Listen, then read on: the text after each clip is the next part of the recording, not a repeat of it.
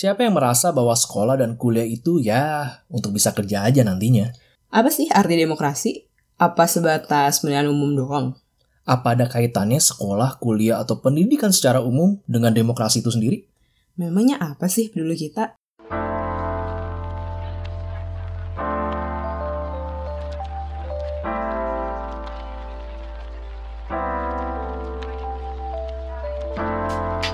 Terlintas. Bicara isi pikiran.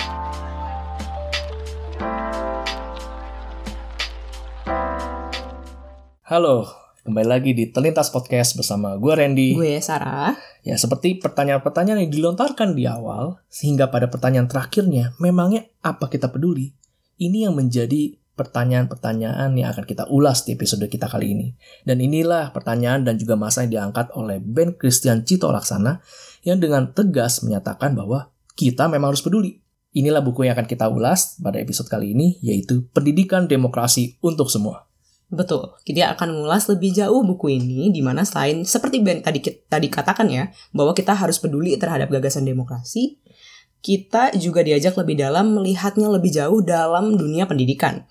Dunia yang sebenarnya deket banget sih sama kita, ya nggak sih? Iya. Nah, jadi memang pada pembahasan kali ini, author dari band ini sendiri ingin concernnya tuh ingin menunjukkan bahwa negara kita yang katanya negara demokrasi sebenarnya nggak demokrasi-demokrasi amat. Waduh, gimana Iya. tuh? Maka itu menjadi pembahasan penting. Yes.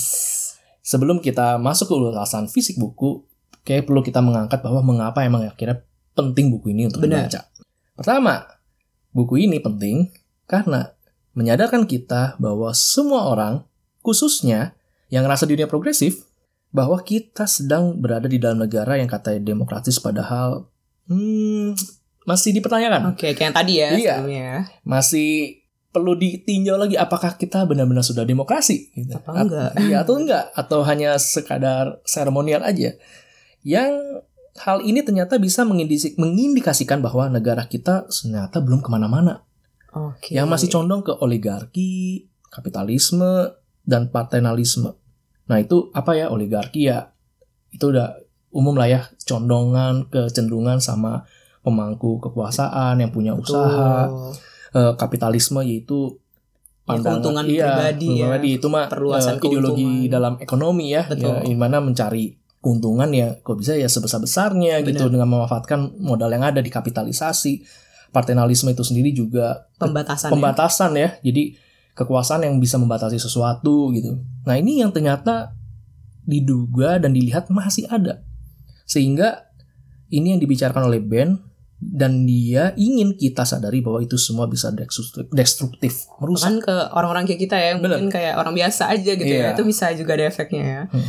Oke, selain kita tahu kenapa sih buku ini penting, nah gue juga mau coba jabar nih, siapa sih sebenarnya target pembacanya? Karena kan mungkin pasti dengar awal kayak, ah ini bahasan soal apa Bahasan gitu apa ya. Kayak berat banget demokrasi gitu ya. Betul. Cuman good newsnya adalah target pembacanya itu semua orang sebenarnya. Jadi eh, semua orang bisa baca ini, tapi terkhususnya buku ini akan juga eh, apa ya? Bermanfaat punya lah. iya bermanfaat yang mungkin sangat aplikatif banget ya kepada pendidik dan orang yang berkecimpung dalam dunia pendidikan. Nah, cuman kenapa sih kalau misalkan kayak gitu, kenapa buat semua orang juga penting? Karena kita juga terlibat ya dalam proses demokrasi ya. Maksudnya kita kan warga negara nih. Nah, ini yang bakal juga dibahas secara dalam oleh Ben. Nah, jadi em, simpulan singkatnya nih mengenai relevansi terdekat nih soal buku ini dalam kehidupan kita tuh apa sih? Kayak tadi kita bilang, Iya. kita ya orang biasa, mungkin pendengar juga ya kita nggak begitu berkecimpung di pendidikan. Nah, sebenarnya apa sih relevansinya? Nah, kalau misalkan dalam konteks kita sehari-hari, ya bagaimana kita menerapkan prinsip prinsip demokrasi tersebut. Misalkan kita kesetaraan dalam keluarga, dalam bekerja dan gimana kita bisa melibatkan mereka-mereka itu secara demokratis. Kayak gitu. Jadi Iya. memang dalam sehari-hari pun cukup kebayang lah ya Benar. bahasannya. Dan itu menurutku emang jadi masalah umum kita saat ini sih ya. Kita negara demokrasi, tapi bisa jadi secara praktiknya kita nggak tahu demokrasi itu harusnya kayak gimana. Bener. Yang akhirnya cuma tahu ya itu sekadar pemilu, lalu mesti ada legislatif, yudikatif dan juga eksekutif. Ya sebatas itu aja gitu. Padahal demokrasi punya nilai-nilai dan juga sifat-sifatnya yang perlu dilakukan ya. bahkan untuk seluruh rakyat negara Betul. yang berdemokrasi gitu. intinya sih harus ada kebaikan bersama ya Bener, dalam buku ini tuh message-nya itu terus yang coba digaungin Bener. ya di mana kan itu kita yang mau juga Iya. dong gitu kan Jadi kalau misalkan emang ngomongin kesetaraan, emansipasi, konsensus ya konsensus itu kita ada kesepakatan. Kesepakatan artinya melibatkan banyak orang. Itu Hmm. Betul. juga kita bisa praktikin tuh di keluarga, mana-mana bener. iya di tempat kerja dan di mana pun juga. Betul. Nah, jadi itu ya target pembacanya ya untuk semua orang ya, Bener. walaupun ada penghususan tertentu kayak tadi. Oke, kita langsung masuk ke fisik buku atau disebutnya zin ya. Ya Zin ini sebenarnya emang buku yang isinya tuh sangat singkat tapi padat. Ringkas ya, Iya, ringkas banget. padat gitu. Namun tetap bernas ya. Oke. Betul. Nah, penulisnya seperti tadi udah Randy bilang di awal itu bernama Ben Christian Cito Laksana. Dan buku ini dicetak di tahun 2021 dengan penerbit mandiri. Jadi ini memang di apa ya? Dia di- swadaya sendiri lah ya. Iya, Nah, sendiri. Dia nerbitin gitu. sendiri dan dia distribusikan sendiri. Bener. Nah, seperti tadi dibilang singkat, eh, bukunya tipis gitu ya, karena emang hanya 50 halaman Ya. untuk total ya. Dan bisa didapatkan di mana? Walaupun dia menerbitkannya sendiri, tapi bisa dicari di e-commerce kesayangan kalian. Jadi Iya, ada. ya. Ada, ada. Jadi tinggal dicari aja ya judulnya, nanti muncul. Benar. Nah, hal yang akan kita angkat lagi, yaitu kita perlu berkenalan lebih dalam juga nih dengan siapa penulisnya. Siapa sih Ben Christian Cito Laksana ini? Nah, beliau adalah seorang pendidik, peneliti lepas, dan saat ini seorang mahasiswa PhD di Victoria University of Wellington. Fokus penelitiannya ada di persimpangan antara sosiologi, pendidikan, dan anak muda. Selain di penelitian, Ben saat ini juga aktif mengajar di Arkademi, sebuah kolektif fotografi yang turut aktif mengembangkan pendidikan kritis untuk masyarakat umum, namun dengan menggunakan fotografi sebagai medium pendidikan kritisnya. Oke, menarik banget ya. Menarik Jadi ya, memang iya. tulisannya-tulisannya Ben ya memang secara apa ya kredibilitasnya Ben juga udah Iya, oke dia, ya dia seorang menulis. akademisi dan Betul. dan tulisannya walaupun sebenarnya sebenarnya temanya ini menurut gua nggak mudah, Benar. tapi Ben masih mampu membahasakannya tuh untuk bisa dipahamin. Benar. Hmm.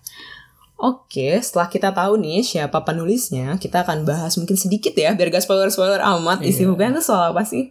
Oke, kalau misalkan untuk sebelum itu, format bukunya sendiri sebenarnya adalah esai yang dibukukan ya. Jadi ini esai dengan 5 bab dan satu bab yang adalah pedoman singkat buat pendidik. Jadi kita diajak eh, lebih dalam dan ada action plan-nya nih, kita harus ngapain, tuh di Ngapain, akhir, di benar. bab yang akhir. Jadi cukup runut ya. Hmm. Terus kalau misalkan message utamanya, nah ini yang mau kita juga sampaikan dan kayaknya penting juga nih orang Penting. buat baca. Nah, pertama kritik utama yang kita highlight ya, gue sama Randy highlight yang menurut kita penting adalah di sini di buku ini dia menunjukkan bahwa pendidikan yang jadi cerminan demokrasi justru malah jadi alat yang menjauhkan kita nih masyarakatnya dari demokrasi itu sendiri. Nah, duh, gimana tuh? Kita negara demokrasi yang bikin jauh malah pendidikannya. Iya. Waduh, jadi coba kita ingat-ingat sekolah kita, pelajaran yang kita yang kita dapat dapat pelajaran PPKN kita. apa, gitu. Nah, Hmm. iya itu apakah malah mengajarkan demokrasi gitu ya? Iya.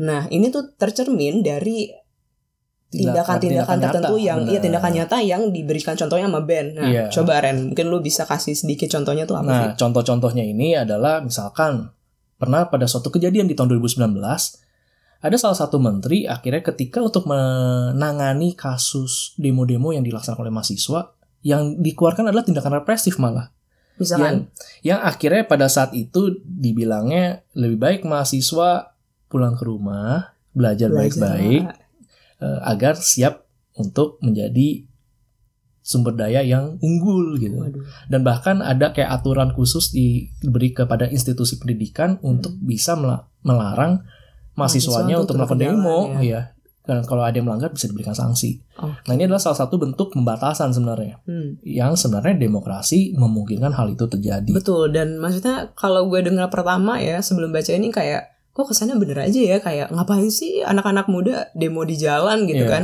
tapi sebenarnya ya dari contoh itu Ben bisa mengupas bahwa ini tuh buka mata deh guys Iya. ini tuh justru tindakan represif ya Benar. penekanan gitu Dan bahkan seperti yang tadi di Sarah jelaskan bahwa pendidikan itu sebenarnya juga bisa jadi alat ideologi negara. Betul Dan itu tercermin juga dalam praktik-praktiknya. Misalkan di buku ini ada sebuah kritik terhadap konsep merdeka belajar yang sebenarnya dipertanyakan apakah itu benar-benar membuat merdeka atau merdeka anak-anak Indonesia atau tidak gitu. Nah, itu adalah contoh-contoh yang diangkat Ben bahwa ini ini bukan hanya sekadar contoh yang itu aja ya, sebenarnya ada banyak tapi inilah yang di salah satu yang diulas. betul Nah, jadi seperti bahasan kita tadi yang di awal, maksudnya band akhirnya dengan masalah-masalah itu ingin menawarkan gagasan-gagasan. Nah, ini yang tercermin di bab-babnya ya. Yang tercermin di babnya yang tadi ada lima bab itu ya. Mm-mm. Nah, tapi eh, gua Mas Ara mencoba merangkumnya se Ringkas, ringkas mungkin ya. agar teman-teman dapat gambaran apa yang mau ditawarkan sama band terhadap masalah itu. Jadi band mengangkat dari sisi demokrasinya dulu. Oke. Dia ngajak melihat demokrasi secara umum dan aplikasi ideal itu seperti apa sih? Terkhususnya dalam konteks pendidikan nantinya ya. Jadi emang band ngasih tahu bahwa demokrasi itu punya spirit, punya nilai-nilainya yaitu harus ada konsensus, Betul. lalu juga ada kesetaraan, egaliter ya, egaliter kesetaraan.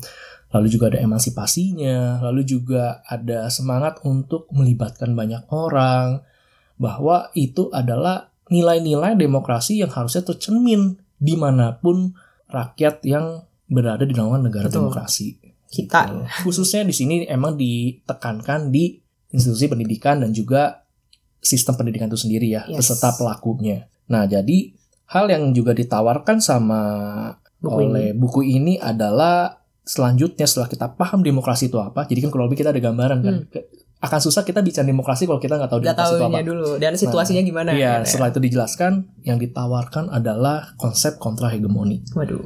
Nah, hegemoni itu apa? Hegemoni itu kekuasaan lah ya, kekuasaan yang sedang berlangsung saat ini kurang lebih seperti itu. Dan itu yang perlu dikontra.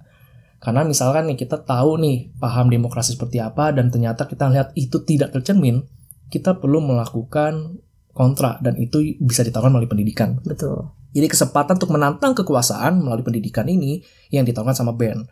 Kekuasaan di sini ya bisa diartikan kekuasaan yang tadi ya, yang sedang terjadi saat ini sama Benar. pemerintahan yang ada, di mana dia dapat membatasi dan malah membuat negara jauh dari demokrasi, Demokrasi. itu sendiri. Tokoh utama hegemoni itu siapa jadinya? Nah, Ini dia. Tokoh utama kontra hegemoni ini yang diangkat sama band itu ada dua Oke. yang bisa membawa perubahan. Jadi makanya ini penting nih buat orang-orang yang terlibat yang dengar ini yang namanya eh, yang yang dua hal ini kesebut dan merasa bagian dari itu. Nah, artinya kalian bisa melakukan perubahan. Gitu ya. Nah, itu apa saja? Yaitu pertama itu adalah institusi pendidikan itu sendiri. Oke. Nah. Jadi itu baik eh, pemangku para kebijakan pendidikan Gitu. ataupun yang institusi pendidikan seperti universitas, sekolah itu punya peran penting untuk bisa membawa perubahan Benar. dan memberi pendidikan demokratis terhadap orang-orang di dalamnya. Betul. Nah, yang kedua adalah aktor-aktor dari sistem belajar itu sendiri dari Hmm. pendidikan yang ada. Itu siapa? Guru, dosen, Murid. bahkan murid itu bisa sama-sama terlibat saling aktif untuk bisa membangun suasana iklim demokrasi yang sebenarnya perlu ada di negara demokrasi itu sendiri. Benar. Dan memang kalau misalkan kayak gini kan mungkin kesannya oh kayak itu jauh dari kita tapi enggak bener-bener enggak jauh ya. Ini bener-bener juga sangat bisa Benar, mempengaruhi betul. ya, mempengaruhi hidup kita secara Contoh umum. contoh yang nyata pernah nggak sih kita ngerasa akhirnya kayaknya kalau belajar dulu di sekolah ataupun di universitas, universitas sifatnya kayak satu arah aja Hmm. gitu ya. Kayaknya kebenaran mutlak hanya di misalnya di di pengajar dosen gitu ya. Padahal sebenarnya suasana diskusi itu juga bisa terbangun sebagai wujud eh, demokrasi. Dan itu aja budaya- udah hal kecil Benar, dan budaya-budaya di mana kita misalkan kayak takut beropini, Iya. kita ngerasa kita lebih rendah dari pengajar gitu misalkan karena kita lebih nggak tahu kesannya. Nah itu kan bisa terbawa ya dalam Hmm. Benar. kita ngejalani hidup sehari-hari gitu. Kita nggak terbiasa eh, mengkritisi, nggak terbiasa apa ya punya opini yang kontra dan Iya. itu kita takut. Nah itu kan yang sebenarnya apa ya kayak nggak kelihatan gitu, Benar. tapi dibuka nih di buku ini. Karena semakin kritisnya masyarakat mau bersuara itu akan tercipta suatu check and balance namanya. Wede. Nah itu emang yang perlu ada sebenarnya di negara demokrasi. Hmm, Karena kan memang kedaulatan dari kekuasaan negara itu ke demokrasi ada sebenarnya di rakyat kan. betul. Nah, jadi ketika rakyat juga turut mengawasi, turut terlibat gitu, ya tercipta check and balance. Jadi jalannya pemerintahan juga oke. Nah, ini yang sebenarnya mau digagas sama Ben bahwa itu bisa dimulai dari pendidikan dan dilatih dari dari kita sekolah. Betul. Nah, itu tadi gagasan yang kontra hegemoni ya. Iya. Nah, ada satu gagasan lagi yang juga menurut kita juga penting itu yang dibahas oleh Ben adalah pendidikan emansipatoris dan bagaimana itu diaplikasikan. Nah ini mungkin, waduh apa sih emansipatoris? Nah kalau emansipatoris dari uh, bahasan kami itu adalah pendidikan yang mampu memerdekakan. Wah Ya. ini merdeka nih kata yang strong ya. Iya. Nah sebenarnya merdekain siapa sih dan dari apa merdekanya? Jadi yang memerdekakan setiap orang di dalam sistem pendidikan yang berjalan. Iya. Jadi tadi kan aktor-aktornya udah sebutin ya sama Iya. Randy. Nah itu orang-orangnya itulah ya. Betul. Dan Hmm. itu bisa jadi kita juga Benar dong ya. kita juga. Kita mungkin eh, sepupu, mungkin teman kita, mungkin anak kita nanti. Nah itu semua yang sebenarnya lagi diperjuangkan untuk dimerdekakan dalam pendidikan yang akan mereka jalani. Lalu em, sebenarnya apa sih gitu bentuknya dan dari apa merdekanya? Ya merdeka dari pembatasan-pembatasan. Jadi ketika pembatasan itu nggak ada, kita akan apa ya lebih menemukan lebih banyak dialog, ada konsensus tadi kayak tadi Randy bilang, ada kesetaraan yang melibatkan semua orang. Contohnya kayak tadi ya kita lebih bisa berdiskusi. Kita nggak merasa, misalkan contohnya gue murid, gue kayak nggak melihat dan tidak diposisikan bahwa dosen atau guru gue ya emang paling sumber kebenaran paling tinggi Iya. gitu. Nah kayak nggak boleh dibantah, nggak boleh dikritisin. Nah itu harusnya salah satu contoh yang paling sederhana lah ya, di mana kesetaraan itu harusnya dijunjung tinggi gitu. Iya. Jadi ada ruang diskusi, ada apa ya, ada ya itulah aman lah kita untuk Benar. uh, menjalankan peran kita. Iya. Gitu. Bahkan Ben ngasih contoh ada beberapa sekolah Hmm. yang ruang diskusi itu terbuka sampai ke orang tua murid wow. dalam menentukan anggaran sekolah Hmm. bah dan juga kurikulum. Nah ini yang sebenarnya hal yang kayaknya asing nih di kita Hmm, belum ada. benar. Tapi padahal itu cerminan dari Demokratis praktik ya. demokrasi itu sendiri gitu, di Betul. mana sekolah pun institusi pendidikan juga menyesuaikan kebutuhan sesuai konteks. Betul. Yang nggak hanya misalkan satu kiblat eh, untuk sekadar menelurkan calon pekerja untuk Benar. menjalankan roda ekonomi aja misalnya. entrepreneur. Iya, tapi Gitu-gitu juga ya. bisa pemanfaatan sumber daya alam yang mungkin ada di daerah sekitar atau benar. enggak keahlian-keahlian yang ternyata masih tetap dibutuhkan kan kayaknya sekarang ini kita fokusnya tech banget ya Benar, kita pendidikan tuh gitu mencetak siswa Iya. yang akan masuk ke Indonesia 5.0 Nah, gitu ya. gitu. Kalau ada sektor-sektor yang ternyata bisa juga digarap dan itu membawa kemajuan juga. Benar, gitu. dan itu membuktikan bahwa pendidikan kita nggak sekadar sempit, emang untuk ngelahirin yang kayak tadi gitu, Iya. cuman untuk nyetak kita buat kerja, ya lah, kayak Iya. gitu doang gitu. Nah itu yang dikritisin gitu ya. Iya. Nah itu beberapa gagasan tadi ya Ada demokrasi secara umum dibahas Hmm. Terus kontra hegemoni ini juga penting Terus pendidikan emansipatoris Nah itu tiga dari Ya sebenarnya cerminan dari beberapa- buku ini Betul gitu yang ditawarkan sama Ben ya ini bisa dilakukan termasuk dari masyarakat masyarakat awam khususnya buat para pendidik Betul. bisa memulai lebih dahulu. Nah, jadi itu kurang lebih gambaran umumnya ya. Hmm. Nah, tentu kita berdua perlu tetap mengkritisi buku, ini, baik betul. kelebihan dan juga kekurangannya. Yes Dan langsung aja kita langsung bahas kekuatannya. Oke. Apa sih keunggulan dari buku yang dibuat sama Ben Christian Cito Laksana ini? Pertama, gue melihat adanya kritik dan pembahasan yang cukup rinci. Bahkan ya rinci lah ini lah. Mm-mm. Dibahasinnya rinci dan berani juga menurut gue. Betul Terhadap peran masing-masing tokoh dalam pembahasannya. Jadi dari pemerintah ada kritiknya, lalu juga dari dalam sistem pendidikan yang ada juga ada kritiknya Betul dan itu benar-benar diangkat secara jelas di buku ini. Benar Ya jelasnya ini dalam arti dalam konteks masalahnya ya. Jadi dijabarkannya tuh kita jadi ngerti oh masalahnya tuh ternyata di sini loh. Betul gitu. Bahkan dia juga ini ya Sebenarnya juga mengkritik Atau memberikan gagasan dia ke kita yang baca Benar, benar. Jadi siapa pun kita Dikusertakan lah Iya. dalam em, Tulisannya dia Jadi gitu. siapa pun yang membacanya pun juga akhirnya merasakan kritik itu bahwa kita perlu hadir, perlu mewujudkan juga nyata demokrasi yang semestinya ada. Nah, jadi khususnya untuk tokoh-tokoh pendidikan apalagi ini bakal sangat bermanfaat untuk kasih kasana baru dalam Hmm. pengajaran. Betul Nah, yang selanjutnya, Selanjutnya plusnya adalah materinya itu menyeluruh dan runut. Jadi memang udah ada pokok masalahnya, turunan-turunannya, sampai how to-nya nih. Jadi Iya. gimana sih kita respons baiknya? Jadi kayak apa ya? Kayak buku, ya kayak buku how to gitu. Iya. Jadi kita pahami, kita dalemin, kita harus gimana? Kayak Iya. gitu. Itu yang kedua ya. ya ini Terus- emang menarik sih menurut gua karena bukunya ini memang menjadi gerbang awal Hmm. untuk buat orang sebagai langkah awal lah ya jadi Benar. step awal tapi dia nggak bener-bener berhenti di situ aja tapi dia ngasih lagi celah untuk bisa ke pintu selanjutnya Bener. nah itu jadi menurut gua membantu juga sih Betul. Nah, yang berikutnya, kritiknya Ben ini dalam buku ini membuka pikiran. Jadi ya memang apa ya em, bacaan yang ya inilah yang emang beda gitu ya, yang akan Iya. memberikan sebuah gagasan baru mungkin untuk yang baca.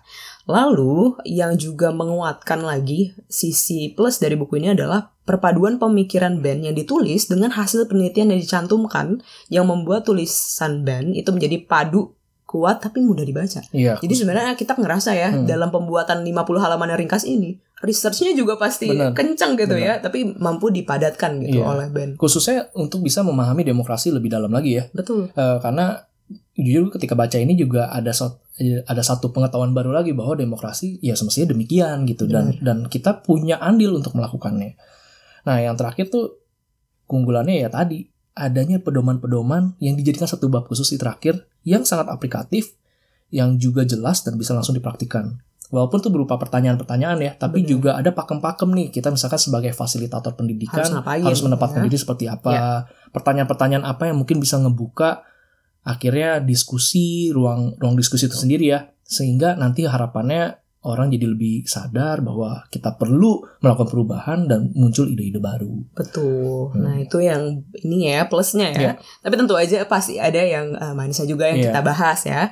Misalkan pertama nih, kalau dari kita beberapa istilah mungkin bisa nih dikasih catatan kaki atau glosarium ya karena memang kan ditujukannya untuk awam. Iya. Tapi memang gak bisa gue pungkiri, gue beberapa juga aduh ini apa ya Iya. eh, makna aslinya gitu. Jadi mungkin akan jauh lebih membantu secara cepat Iya. ya. Walaupun sebenarnya kita bisa aja gitu Secara kita mandiri cari googling, gitu. tapi mungkin lebih akan lebih langsung enak ya menolong juga sih. Karena ini buat awam kan ya. Misalnya contoh kayak paternalisme gitu ya. Iya, itu apa tuh? Itu apa gitu? Mungkin orang masih bingung. Bahkan mungkin kayak oligarki sendiri orang juga masih Oh iya nggak sih, tahu bener gitu sih kan gue ya. juga. Nah itu kalau ada catatan kaki atau nggak glosarium untuk menjelaskan tuh bahkan lebih bagus. Betul, betul.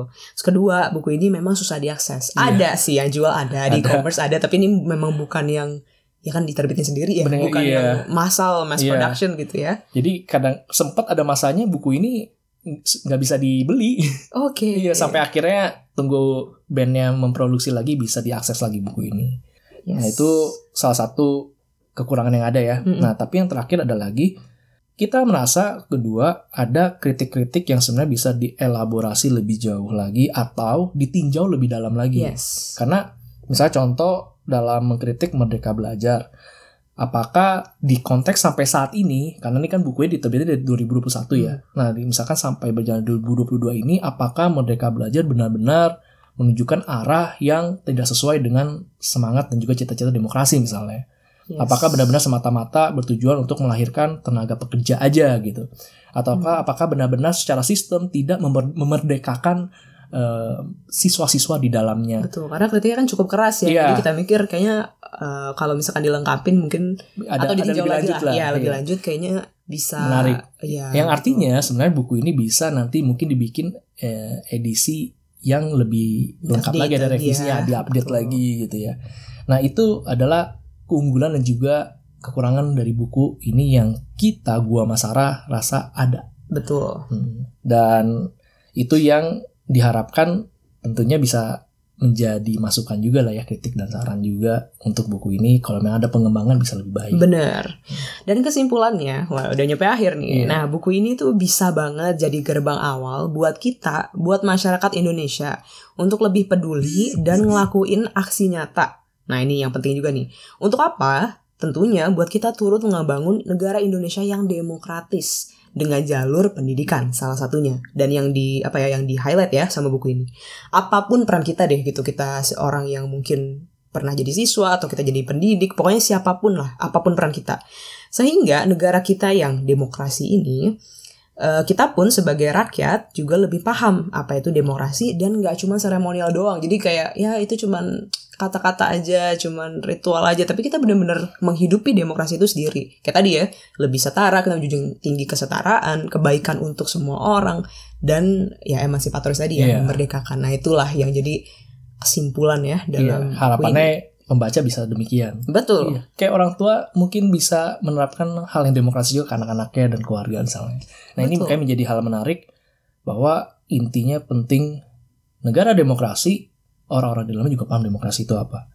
Dan di keadaan kita yang saat ini pendidikan yang menjadi jawabannya. betul Nah, itu adalah kurang lebih isi buku pendidikan demokrasi untuk semua yang dibuat oleh Ben Dan Christian Christian Cito Laksana. Dan semoga teman-teman setelah mendengarnya jadi tertarik ya waktu membaca ya, dan bisa langsung ca- cari tahu lebih detailnya di buku itu sendiri. Betul, karena ini ini ya salah satu yang must read banget ya. Iya, Benar-benar harus menarik dibaca. banget. Kita pun berdua bacanya sampai cukup Waduh, menggelitik lah ya. Betul, Nah, betul. Nah, paling itu aja dari kami berdua bahwa episode kali ini membahas ya sebenarnya temanya cukup rumit tapi Betul. ini sebenarnya tetap menarik untuk Bagus, dibaca. Bagus betul. gitu. Kita rekomendasikan teman-teman untuk baca buku yang dibuat oleh Ben Christian Cito Laksana ini. Nah, nanti kalau ada teman-teman udah baca atau mau ngasih respon atau feedback boleh banget nanti Boleh ya. banget. Mungkin komen aja di IG kita ataupun mau kirim email ataupun mungkin ada yang punya podcast juga ya Betul. mau ikutan juga bahas lebih lanjut boleh, Boleh banget, banget. gitu. Yang pasti ini juga bisa jadi obrolan di lingkungan kalian juga. Betul, betul, betul, betul. Ya, disebarkan lah. Betul. Paling itu aja sih dari kita Yes. berdua ya. Eh, sampai jumpa lagi di episode selanjutnya ya. Tentunya dengan buku-buku yang lebih menarik ya. Oh, of course. Iya. Oke Jadi- kalau gitu. Itu aja dari kita berdua. Sampai jumpa di episode selanjutnya. Sampai jumpa.